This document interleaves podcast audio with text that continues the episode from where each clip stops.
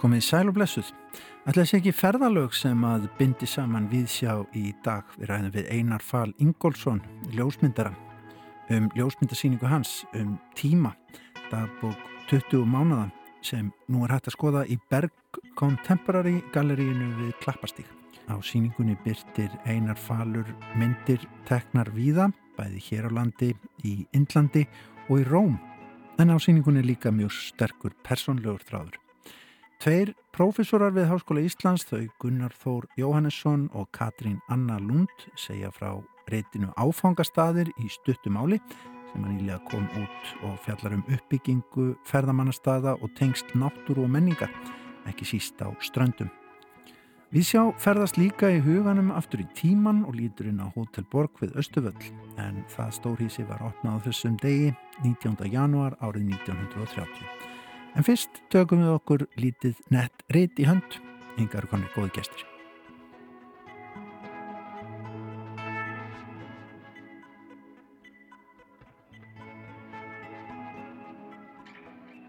Í þessu mikla jólabókaflóði sem að ný er afstæðið þar leindist lítið ritt sem að kemur frá háskólaútgáðinni. Þetta er rittröði félagsvísindum og ætti aðtikli okkar hér í Víðsjá. Eh, Bókin heitir Áfangastadir í stuttumáli og hann að rita Gunnar Þór Jóhannesson og Katrín Anna Lund.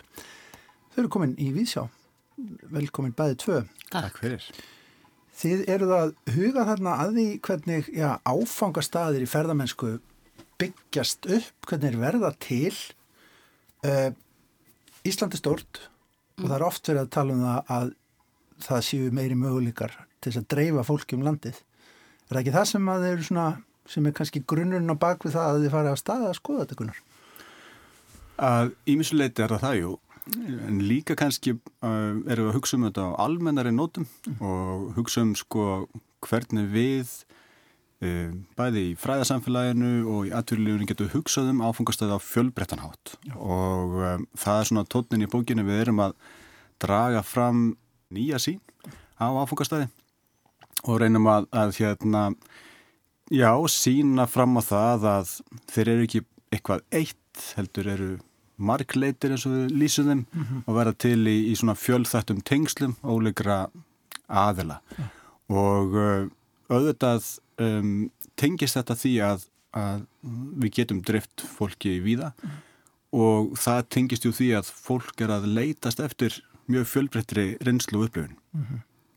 Sko, það er oft talað um ferðamanna og við erum allir búin að finna það undanfarið að ferðamanna ströymurinn og, og ferðamanna stundum yðnaðurinn, ljótt orð mm -hmm.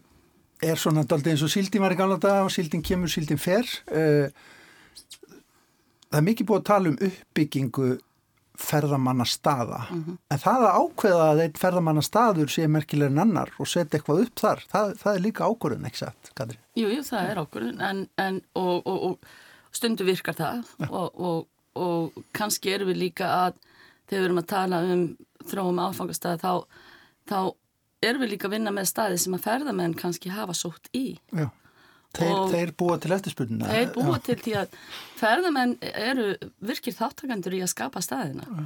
Ég meina Hallgrímskirkja var ekki byggðið sem ferðamannstaður Nei. en hvað er, hún, hvað er sem sagt í kringu Hallgrímskirkja í dag mm. þá er þetta mjög margbreytilegu ferðamannastæður ja. það sem að er bæði heimamenn og ferðamenn og fólk í alls konar aðtöfnum mm -hmm. Sem eru bæði eitthvað sem þú gerir sem ferðamæður eins og að taka selfie fyrir fráinn kirkuna en ef þú svona kannski bara situr þar og, og velti fyrir hvað, hvað, hvað á sér stað mm. þá, þá sérðu mjög fjölbreytilega hvað, eins og við segjum yðkun staðurins Já fólk er að aðtapna sig á mjög mismunandi hátt og gera mjög mismunandi hluti líka. Hún skiptir máli yðkunn. Já. Já. Sko þeir eru að skoða sérstaklega strandir. Hvernig kom það til að þið, þið hérna greipu þann bólta? Það er bara laung saga. hérna, við erum búin að vera tengt ströndum bara síðan tíu árin eða svo og byrjuðum að vinna rannsónaverkefni þarna 2011. Eh, 2011 já. Já. og um, og það var hluti af alþjóðlega rannsókn á sko mótun áfungastada á jæðrinum eða jæðarsvæðum á, á norðlægum svæðum og hérna við völdum strandir vegna að okkur þetta er mjög forvittnilegt vissum að ákveðinu uppbyggingu í menningatendri ferðið sem átt hafa þessi, þessi stað þarna í sérstaklega kringum galdrasýningun á strandum mm.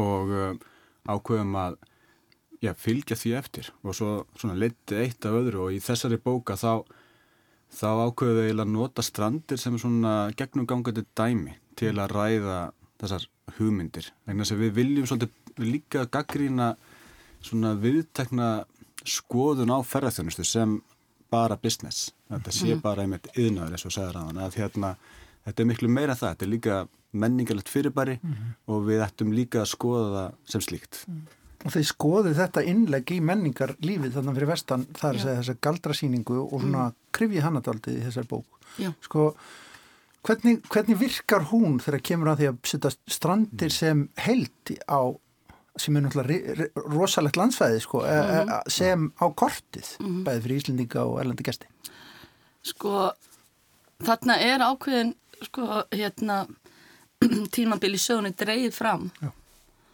og ég er ekki að segja kannski fyrir alla ferðamenn þá verður það þannig en fyrir ferðamenn þá, þá verður þetta þannig að þetta svona, við sáum það til dæmis í tengslum við ljósmyndir sem við söpnum frá, frá ferðamennum og heimamennum reynda líka en það voru aðalega ferðamenni þar sem að töluðu um galdra í náttúrinni Já. þegar þeir voru að ferðast um strandir þannig að það má segja að sapnið svona tegið sig og sagan tegið sig út frá sapninu sko þeir, þeir endurvekja þessa sögu sem að var kannski ekki alveg í forgrunni e, fyrir þetta eitthvað sem að lærði í skóla en ég man ekki til þess að hafa verið mikið talað um galdra og strandir þarna í kringum tíund áratugin eða á síðustöldi eða eitthvað alveg Þessi er lift fram Þessi er lift fram mm. og með því að lifta þið fram á, á þennan hátt í eins og það er gert á síningunni að þá ferðu, þá ferðamæðurinn sem að fer þarna í gegnum síninguna og ferða svo um strandir mm.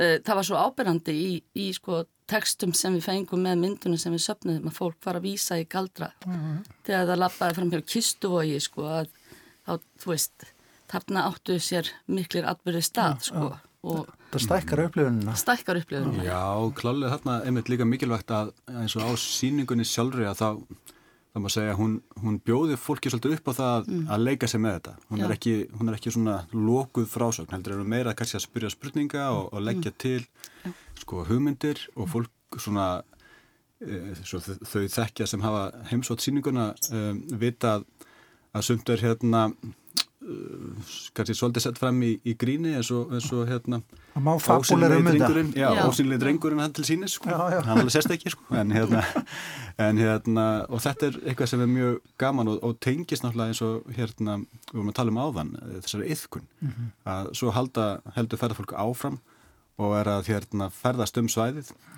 og það er raun að veru líka hluta uppröðanlegu hugmyndinni eh, með þessari síningu er ju að skapa svona ferðarleið þarna mm. norðustrandinar mm. og, uh, og hagnýta þannan menningararf þessa sögu sem auðvitað eru margt mjög myrk mm. uh, já, til að kannski að já, skapa ákvæmna ímynd -hmm. og allan ákvæmna upplifun En sko nú er þetta eins og segir jæðarsvæði sem er kannski búið að færast aðeins af jæðrinum mm. bara á síðustu árum mena, það, er, það er einhvern veginn svona ekki eins óeyfistegarlegt að fara á strandir eins og það var bara fyrir 20 árum segjum mm það mm -hmm. uh, og gangaðan um svæði þetta, magnað svæði þetta en sko þarf ekki að huga mörgu þegar að þegar að staður færist af jæðrinum ef svo má segja, að, að það er að segja þegar að við förum að að fara út á jæðarinn þá hlýtur að þurfa að byggja jæðarinn upp með einhverjum, einhverjum mm. hættið ekki. Er það ekki þetta sem er snúið mál til framtíðar litið? Þetta getur verið mjög snúið mál og það er þess vegna sem að er mikilvægt einmitt að gera svona rannsóknir til þess sko ekki að segja hvað eigi að gera heldur að skoða möguleikana. Mm. Hvernig, hvernig getur þetta leitt okkur áfram? Hvaða möguleikar opnast og annað slíkt og, og ekki endilega koma með einhverja endalega niðurstöðu heldur að, heldur að opna fyrir mm. sínina á hvað, hvað er hægt að gera. Mm -hmm. Og því bendi á hérna, mér finnst þetta alveg skemmtilega orðað Um, þið segja að það er í kringum uppbyggingu ferðastaða og, og ferða þjónustu séu margir misjaflega óstýrilátir gerendur, mjög mm. skemmtilega orðan og þá, þá fyrir maður að hugsa um sko, það eru auðvitað engaðilar á svæðinu, mm. það eru sveitarstjórnar fólk, það er hérna auðvitað stjórnveld líka uh, er náttúran sem tekum þátt í mhm. því, þeir eru líka að tala um bara hvernig náttúran mótar, mótar okkar viðbröð skakvart sér, mm. en núna til dæmis, það eru framöndan sveitastjórnarkostningar. Eh, er þetta reynd til dæmis hugsað inn í það að kveikja hugsanir hjá sveitastjórnarfólki um hvernig betur mig að gera í þessu málflokki? Það Það er kannski ekki að segja það að við höfum skrifað bókjana svona með það í, í huga en hérna þau mega lesan þau mega lesan en gætnan hérna, Já, ég held að heldur myndi bara alveg hafa heilmikið út í því sko. Já, já, og getur vel verið inspirerandi og ég held að, einmitt, en tengslu við þetta til dæmis að talandum fyrir 20 árum, ég er ekkert vissum að margir hefðu haft trú á því að strandir væri einhvers konar ferðamanna segul og, og það sem við kannski draugum framsóldum með þessu er að, að hérna, aðdraftrafl ferðamennsku getur verið margskonar og það er ekkert alveg einfalt mála að hólfaða niður í náttúru, menningu eða eitthvað annað. Heldur hérna fer þetta oft saman og það er eitthvað sem við sjáum líka mjög vel. Mm -hmm. Svo er sambandi við uppbygginguna að þá skiptir líka miklu máli að taka ábyrð á sínu nær umhverfi Já. og hérna þegar kemur uppbyggingu áfangastada mm -hmm. að sko þetta er svolítið í okkar höndum og, um, og ef við pössum okkar ekki, þá getur ítla farið eins og segir, vegna þess að það er mjög öðvöld að kaffara staði líka. Þetta hefur verið alveg hræðsla undanfarið á Íslandi, þessi, áta, þessi átaka umræða um, mm. um uppbyggingu fermannstaða. Já, hún hefur verið það og hérna að sumuleiti með réttu, það er hérna, það er náttúrulega eins að neikvæðliðar uh, sem líka tengjast bara kannski mjög hröðum vexti á stuttu árabili og því líka við vorum ekkert sjálf vel undir að búin uh, sem vera okkar stjóttæki voru ekkert endilega til staðar til að takast á við hann hraðavöxt.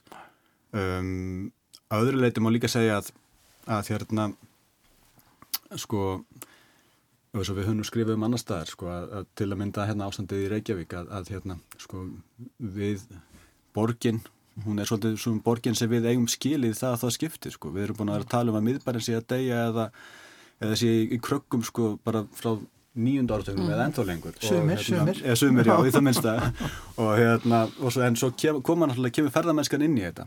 Og hérna, en hún náttúrulega kemur ekki inn í tómarum hún kemur inn í ákveði samfélagslega samhengi og, og við verðum að svona kannski að grípa hann svolítið þar. Um, ég held að það sé kannski Ég held að það sé líka svolítið mikið vegt að taka hann ekki út fyrir svega sko. Að, að við verðum að skoða hann alltaf í samhengi við það samfélag og þá samfélagsgerð sem að við við erum í og við erum partur af mm. og við erum partur af veist, það er ekki ferðamæðurinn sem er ástandi það er við erum partur af því sem það er og minnst leið, leiðilegt að tala um ástand kannski í þessu samhengi þetta er bara mm.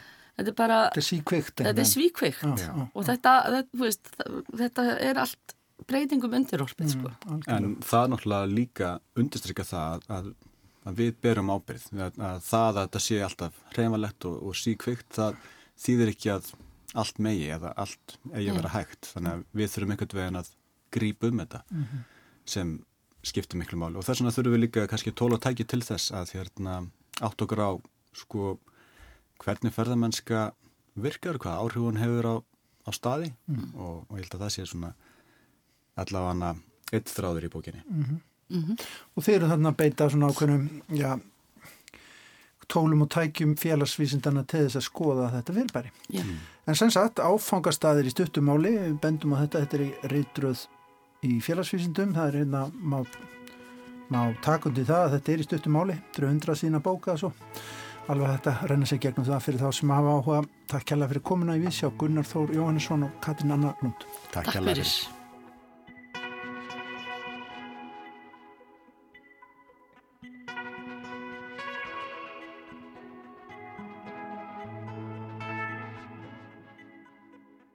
Janúar er oft sá mánuður ársins þar sem heldur lítið er um að vera í menningarlífinu og á það ekki síður við þegar heimsfaraldur herjar á og strángar samkominntakmarkanir er í gildi. Frí ekkið hvetur fólk þessa dagana til að ferðast í huganum og þó slík ferðalög þykir kannski yfirleitt ekki standast samanburðin við raunveruleg ferðalög Má þó segja að þau hafi ákveðna yfirburði allavega að einuleiti. Þau gera manni nefnilega kleift að ferðast um tíman. Það vil svo til að Hotel Borg, eitt helsta menningarhús landsins til margra ára, tók til starfa á þessum degi, 19. janúar árið 1930. Og því er ekki úr vegi að hverfa aðeins þangað í huganum. Ég uh, opnaði 18. janúar 1930 eða ekki, ekki 18. 19. klukkan þrjú og þá stóð fólksmerðin út að kirkjutorgi og alveg niður fyrir apotek í byðröð til að komast inn. Og það var gaman að sjá. En eitt sigur. Já, sigur, sigur. Núna er þetta allt breytt. Nú er orðin gamall og allur kraftur farin úr manni. Ekki alveg allur. Alveg. Blessaður. Ég veit bara ég er ósköpuð orðin öðru vísi heldur en ég var Það vinnur engin glímuna við elli kjellingu er það ekki tókst orða vel nei blessaður Hér heyrðist í glímukappanum Jóhannesi Jósefsinni sem stóðað byggingu hótelborgar á samt eiginkonu sinni Karolínu Amalíu Guðlögstóttur.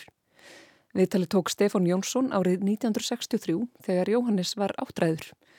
Árið síðar gaf Stefán út æfisögu Jóhannesar undir heitinu Jóhannes á borg, minningar glímukappans. Hann var yfirlegt kallaður Jóhannes á borg eftir opnun hótelborgar en var þó fyrir heimsfrægur glímukappi og sirkuslistamæður og hafði efnast vel á erlendum vettvangi sem gerðunum kleift að láta reysa þetta glæsti hótel. Aðteklisvert er að Íslenska ríkið hafi litla aðkomu þó Jóhannes hafi ymbrað á mikilvægi þess að almennilegt hótel reysi í bænum fyrir alþingisháttíðina 1930 sem trekti að marga merkisgesti. Alþingismadurinn Jónas Jónsson frá Hriblu var þó mjög ánæður með framtak Jóhannesar og sáum að Guðjón Samuelsson, húsameistari í ríkisins, tæki verkið að sér. Hótelið reys á metraða aðeins áttján mánuðum en þó var hverki kasta til höndum. Við skulum líta aðeins á hvað blöðin höfða að segja í ársbyrjun 1930 um Hótel Borg. Morgunblæðið skrifar sunnudagi 19. januar. Hótel Borg, veitingasalitnir verða opnaðir fyrir almenning klukkan þrjú í dag. Í gær klukkan þrjú bauð Jóhannes Jósefsson hótelegandi nokkrum bæjarbúum inn í veitingasalina á Hótel Borg. Er óhægt að fullir það hver einasti maður sem þangað kom dáðist að því hver þar er allt stórmyndarlegt, jæft húsrúm og frágangur á gerð húsins, svo og húsgögn öll. Varð einum gestan að orði er hann leiti kringum sig. Það er eins gott eins og að sigla að koma hingað inn. Með öðrum orðum, húsakinnin á Hótelborg eru svo gersamlega allt öðru vísi en þau nokkur húsakinnir sem hér hafa verið að þeir sem koma þangað fyrst finnst sem þeir séu komnir í annað land. En ekki nómið það. Þó menn fær um borgir Norðurlanda sjá mann ekki víða jafn myndarlega veitinga og skemmtisali eins og á borg. Í morgumblæðinu 28. janúar er sagt frá því í veikudálkinum að rekstur Jóhannesar Jósefssonar hafi farið stórmyndarlega af stað í gistihúsinu Hótel Borg er hann opnaði að nokkru leiti fyrir almenning um síðustu helgi. Húsakinni eru þar svo mikil og góð að allt samkvæmislíf sem þar verður framvegis fær annan blæ en hér hefur áður þekst. Hótel Borg Jóhannesar er og verður mjög ábyrrandi í svip höfuðstaðarins. Auglýsingum á finna í morgumblæðinu nokkrum dögum síðar þar sem Hótel Borg auglýsir árdegisverð, miðdegisverð og kvöldverð þar sem framleiðsla er allan daginn eftir réttaskrá innan svega a la carte. Síðan eru taldri upp nokkri réttir, smurt brauð og litli skattur, rústnesk styrjur, okn og gæsalifur, svo eitthvað sé nefnt. Og einnir auglýstir hljómleikar með Sæblers hljómsveit. Frá þrjú til hálf fimm eftir hátegi, sjö til átta eftir hátegi og nýju til hálf tólf. Annan februar auglísir Hótel Borg aftur í morgumblæðinu og segir Í dag verður gildi salurinn opinn fyrir almenning til klukkan hálf tólf, dansað frá þrjú til hálf fimm og frá klukkan nýju til hálf tólf. Óskaður eftir að karlmenn þeir sem dansað kvöldinu verði í dökkum fötum. Við bjóðum góðan meðan þú mitt þig djúpar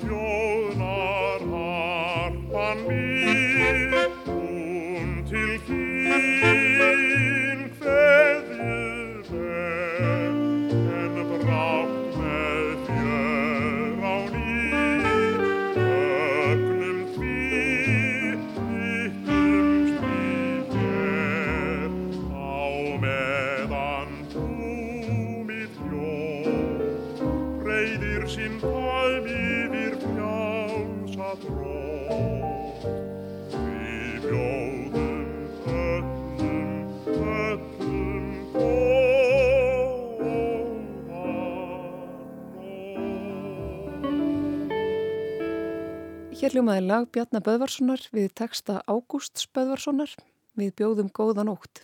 Söngvari var Guðmundur Jónsson en undirleik hljómsveit Svavars Gests. En Vísir byrti viðtal árið 1954 við Bjarnar Böðvarsson. En það er haft eftir honum, svo tók Hótel Borg til starfa árið 1930 eins og þú manst. Þá var það úrað við á heklunni lekum til skiptis á borginni, sinn klukkutíma á hvorum stað. Á borginni var hljómsveit sem nefndist Slæperkvartetin og hlupu þeir fjórmenningarnir yfir á heklu samtímis því sem við geistumst yfir á borg. Upp úr þessu fór ég að spila fyrir alvöru á borginni, líklega kringum 1931. Þá leik ég á saxofón og á klarinett.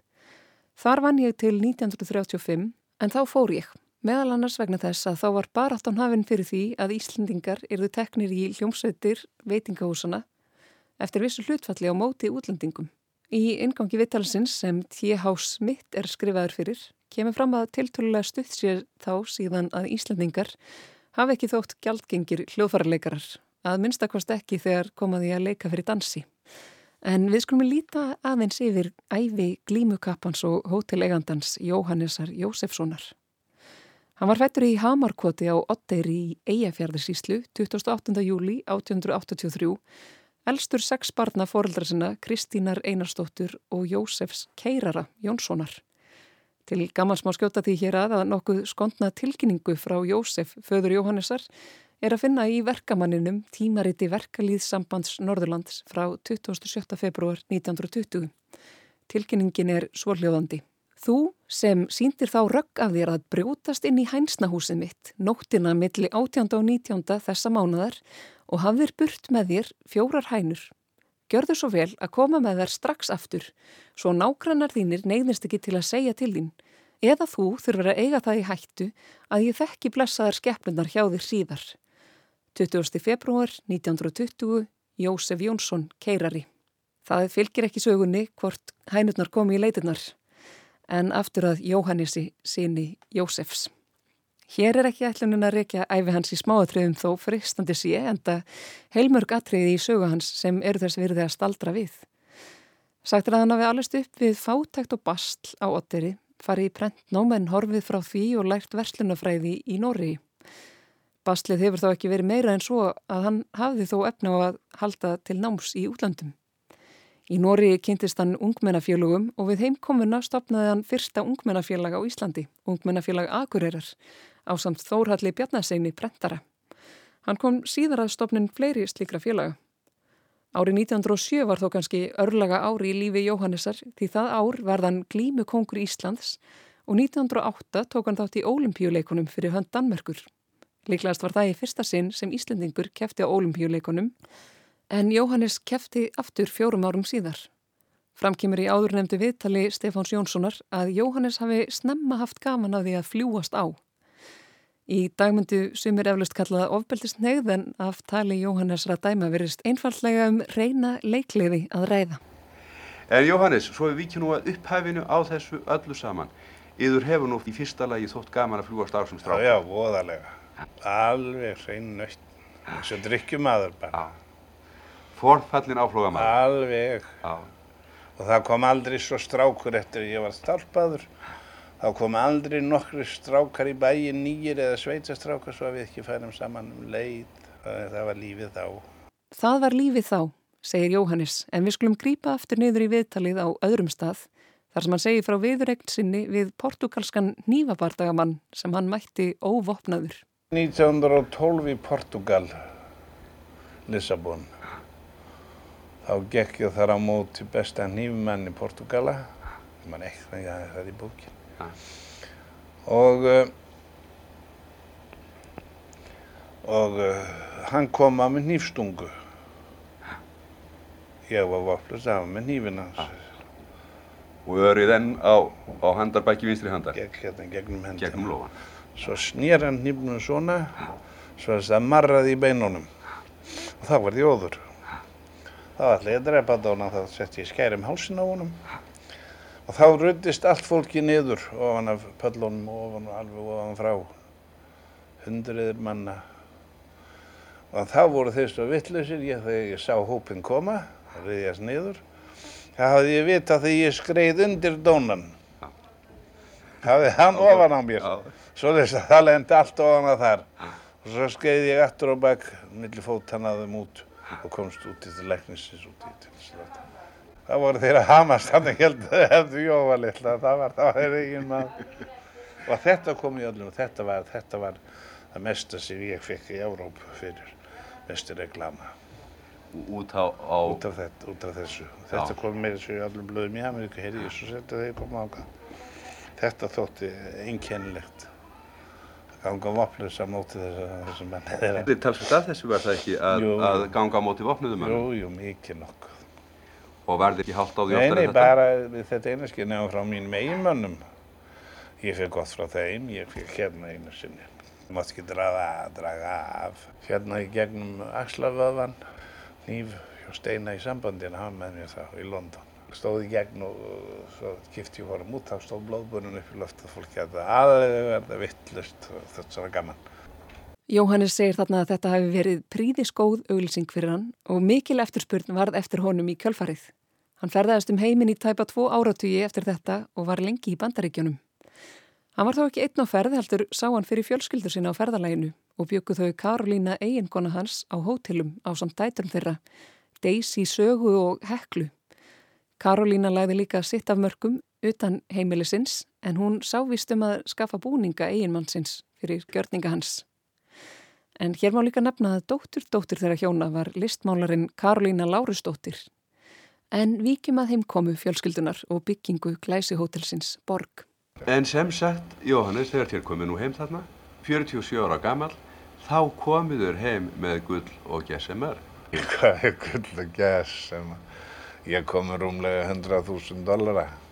Ég held ég hefði fengið í útvegsbankanum 4 krónur 75 fyrir, fyrir dollaran. Ég held að það sé rétt hjá mér. Þetta hefði verið 475.000 krónur. Ekki hefði þér nú byggt Hotel Borg fyrir 475.000 krónur, Nei, nei, það kostiði eina miljón og uh, 300.000 krónur uppkomið. En hvar, hvar fengust þú 600.000 þetta sem vantaði í viðbót? Það uh, varð einn maður sem hafði mikið áhuga fyrir þessu. Einn einasti maður sem hafði verulega mikið áhuga fyrir, það var Jónas Jónsson. Og við töluðum oft um þetta og mikið og hann sagði mér að tala við Guðjón Samúlsson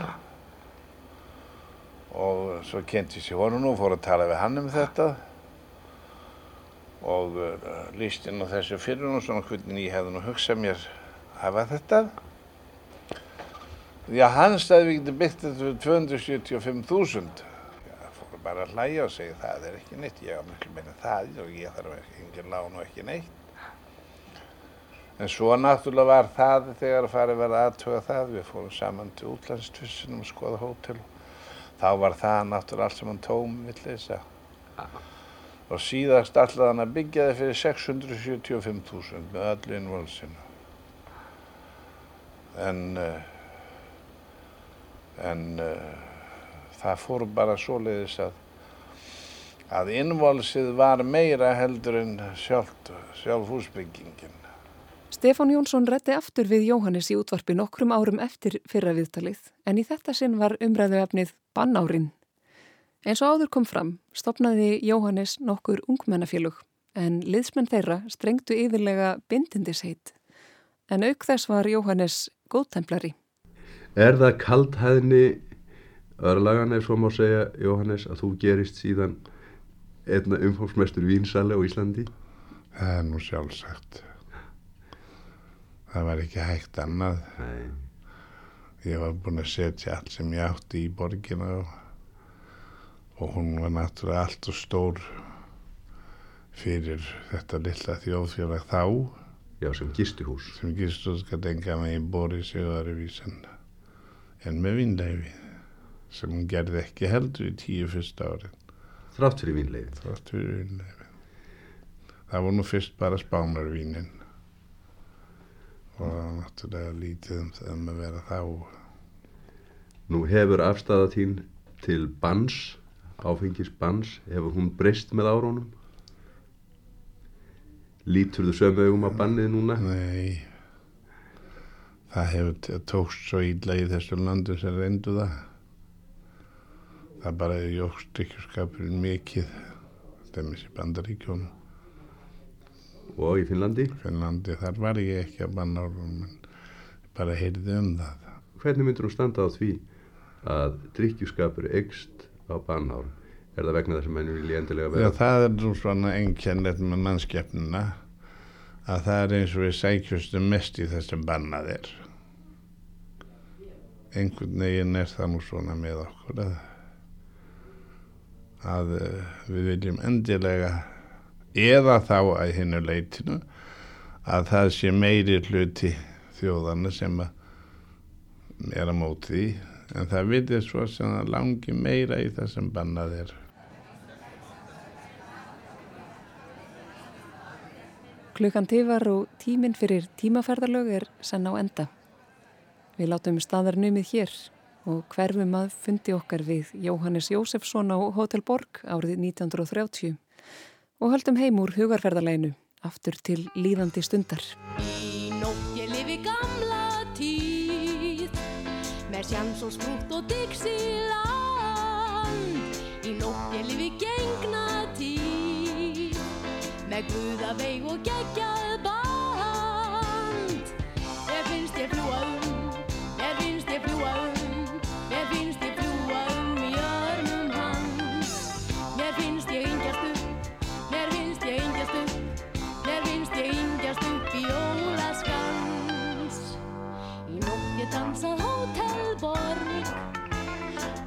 huga mínum léttir til. Í nótt ég dansað hótelborg Ég skinja meira en ég skil.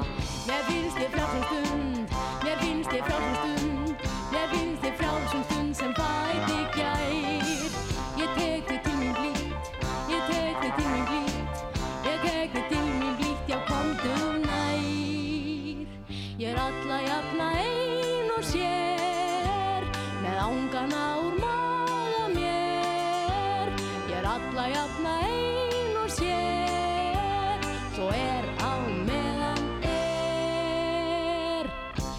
djúsa dúlítið, ég djúsa dúlítið Ég djúsa dúlítið upp á grín. Ég ætla að taka hann, ég ætla að taka hann Ég ætla að taka hann uppi til mín. Ég er alla jafna ein og sér Með ángana úr maga mér. Ég er alla jafna ein og sér Svo er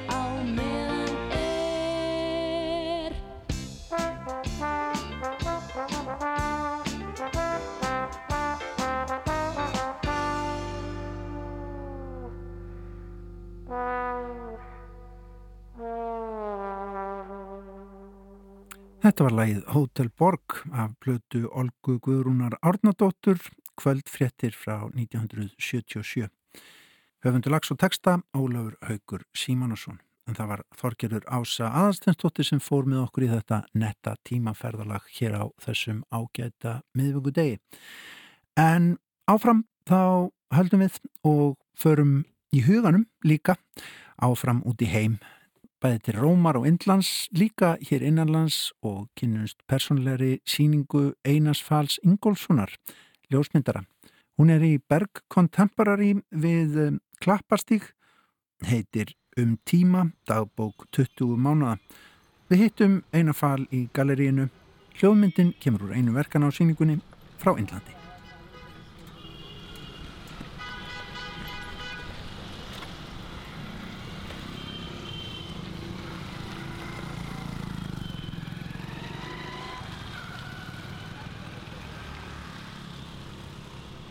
Einar, 20 mánuðir. Uh, byrjum bara í Englandi. Já. Við erum statti hvar þarna í þessu litla vídeoverki sem að sker sig úr.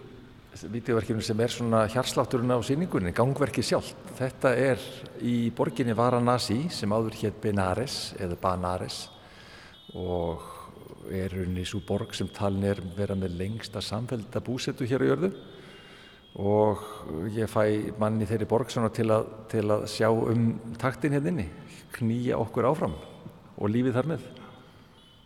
Þú hefur lengi verið hrifin að Índlandi og farið marga ferðir en þessi 20 mánuðir gluggi inn í lífið þitt á 20 mánuðum, líf ljósmyndarnas. Hvernig hérna kom þessi hugmynd upp að, að, að ramma svona tíma sneið úr, úr lífi manns með þessum hætti inn í síningu? Ég hefur rauninni áður gert dagbók 20 mánuða sem var rauninni mastersverkefni mitt út í New York á sínum tíma. Og þá gerði það sem bókverki einu eintæki sem var heila 400 síður.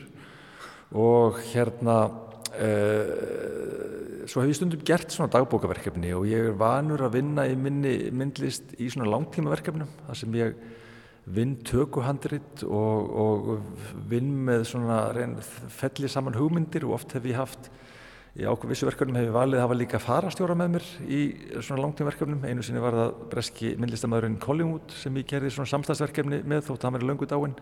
Og svo gerði annars líkt samstagsverkefni með dönskulistamanni Jóhannessi Larsen. En í þessari dagbók nota ég ymsa farastjóra og, og fylgdamenn og nokkra látna aðra lifandi. Og þá er ég að tala um verkin þeirra og hugmyndir þeirra. En það sem kveikt í rauninni þessu dagbók var það að dætur mínar tvær báðar voru að fara til náms erlendis. Og þá var það svolítið þetta svona áfall föðurins að, að átta sig á því að, að, að stúlkurnar, ungarnir væri að fljúa úr heyrinu, það hefur rúna fullónar og sem er, já, sem var ekkit auðvelt það sem er. Og, og líka það voru, það voru bara báðar að fara á landibrótt líka.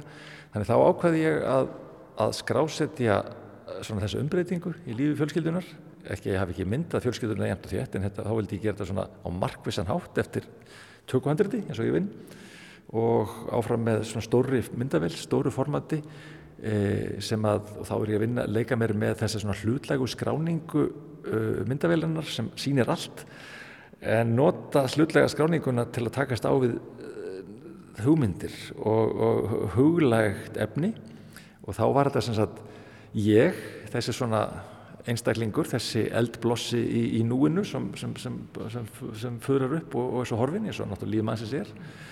Í, og, og hérna ákvaða svona skrásetta líf fjölskyldunar og valdi, valdi að gera það í eitt og hóllt ár, alltaf að gera þetta í átjámanuði en líka fara að setja mig sjálfan sem einstæklingin í einhvers konar menningasögulegt samhengi og, og svona velta fyrir mér hver bakgrunni minn sem myndlistamanns og, og svona minnar ástríðu og áhuga á, á, á sköpunarsviðinu, hvað er þetta lægi og bera svona saman svona íslenskar menningasögulegan bakgrunn saman við svona stærri heimsögulegar miðjur hvað var þar menningasögur og þess vegna einmitt valdi að vinna einmitt markvist í þessari borg á Índlandi elstu borgunni borgi jarðar en svo valdi ég líka að vinna í Róm sem er svona líka svo mikilvægur upp á sko kristina og hvað hefur mótað íslenska menningasögu, okkar bakgrunn í okkar lit, örlittla og einsleita samfélagi og svo reyndar kom ég líka við í Egiptalandi og líka sem er svolítið svona kannski má segja líka önnur mikilvæg miðja sem hefur náttúrulega haft gríðarlega áhrif á vestræna menningu.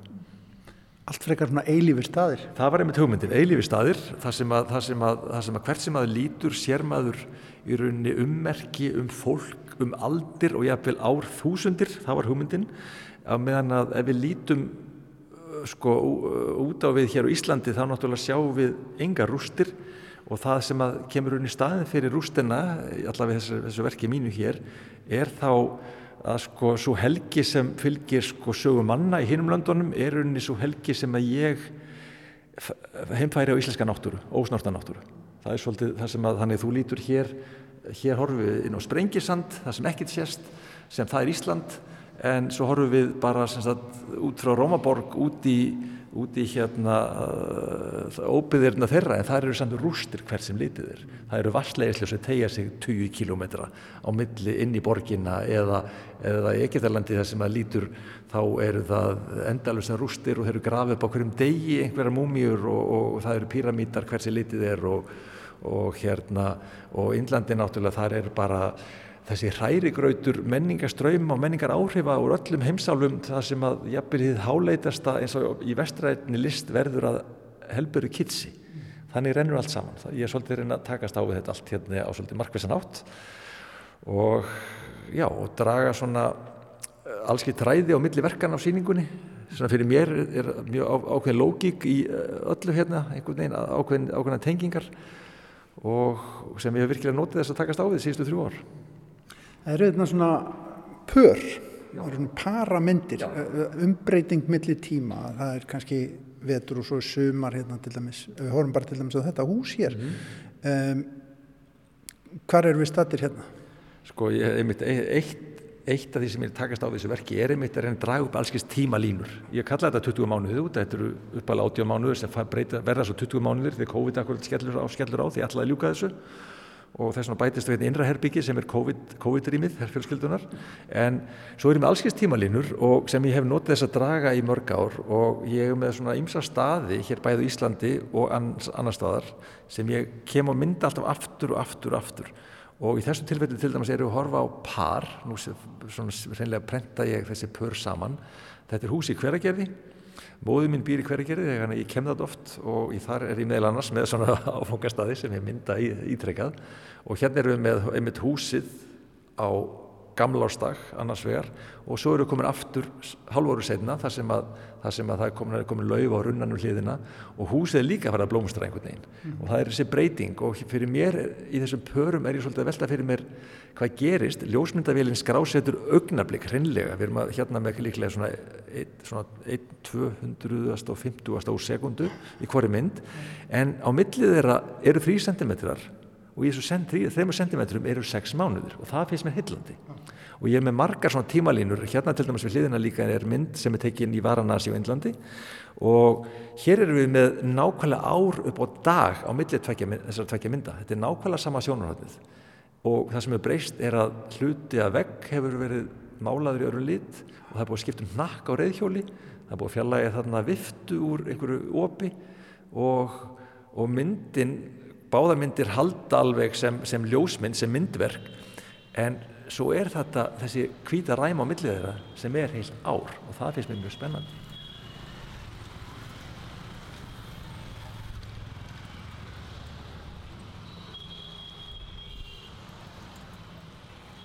Suma tímalínur eru mjög skammar eins og til dæmis í vinnustofun minn í Róm, hérna eru við með blóm á, á skrifborinu mínu og það eru þrjár vikur á milli, milli mynda þar í þessari tímalínu. Og blómið er í flöskunni. Já, blómið, blómið fellur á þessum tíma. Það stóður reynda fyrðu lengi þetta, þetta tiltekna blómi þessari, þessari, þessari hérna, kvítinslösku fyrrum.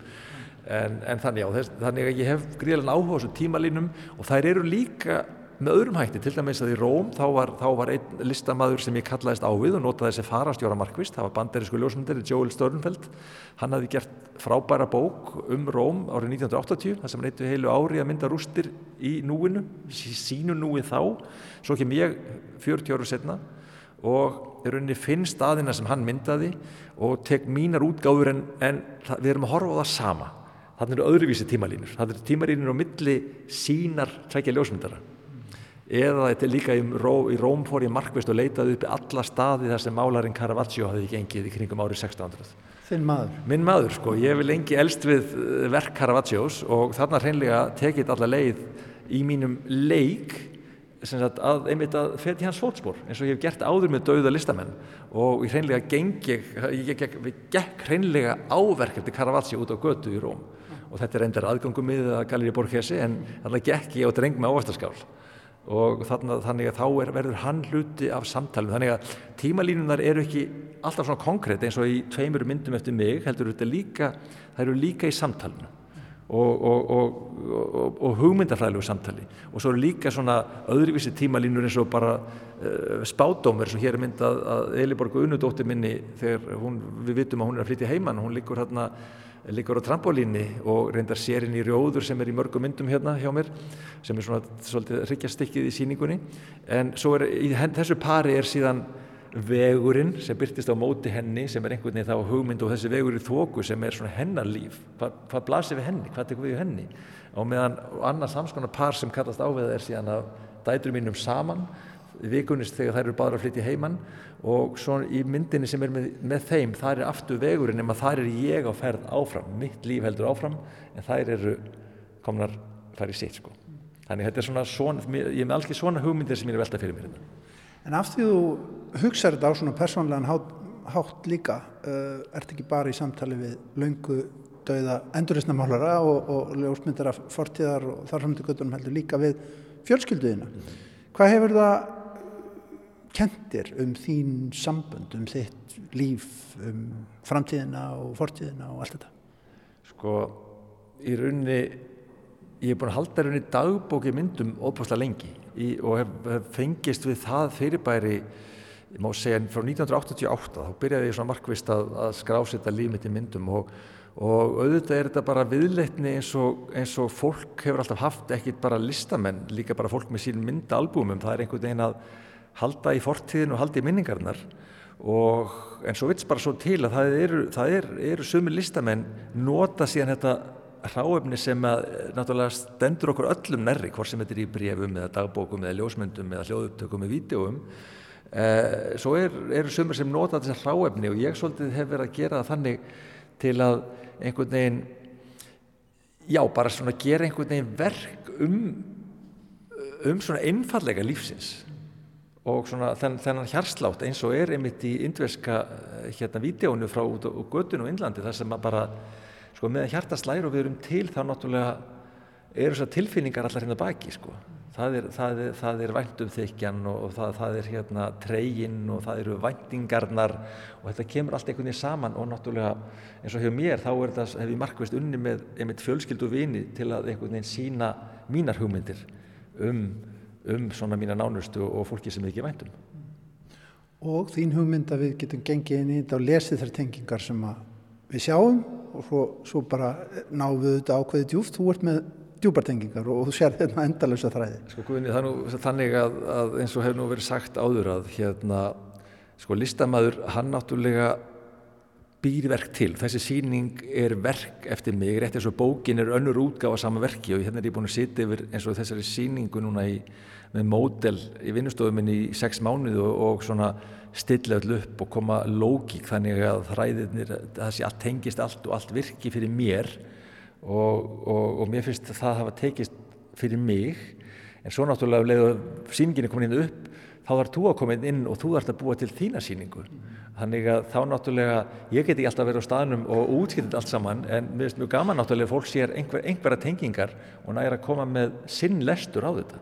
Ég get ekki gert annað en lagt þetta fram og látið skýringateksta fylgi bókinni og svo mjög fyrir teksti eftir Guðmundur Tóssona sem hann til dæmis speklar sína upplifun af þessu verki sem fylgir síningunni líkur hlaði en nú þarf ég bara að segja við fólk sko verið velkominn og, og búið til ykkar síningun. Takk kærlega fyrir spjallið. Við komum í 20 mánuði hlustendur og, og ég mun örglega koma aftur. Þetta er fallið síning. Takk kærlega. Takk, takk.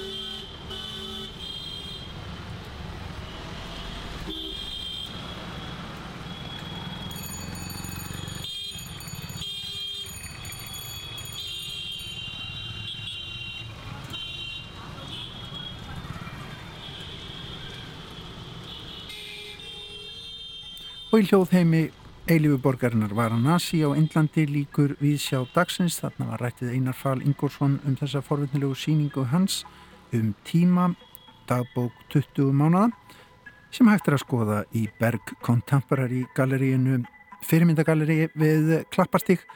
Við bendum á þessa flott síningu. Við sjá verður hér aftur á morgun á sama tíma klukkan 16.05. Takk fyrir samtluna, verið sæl.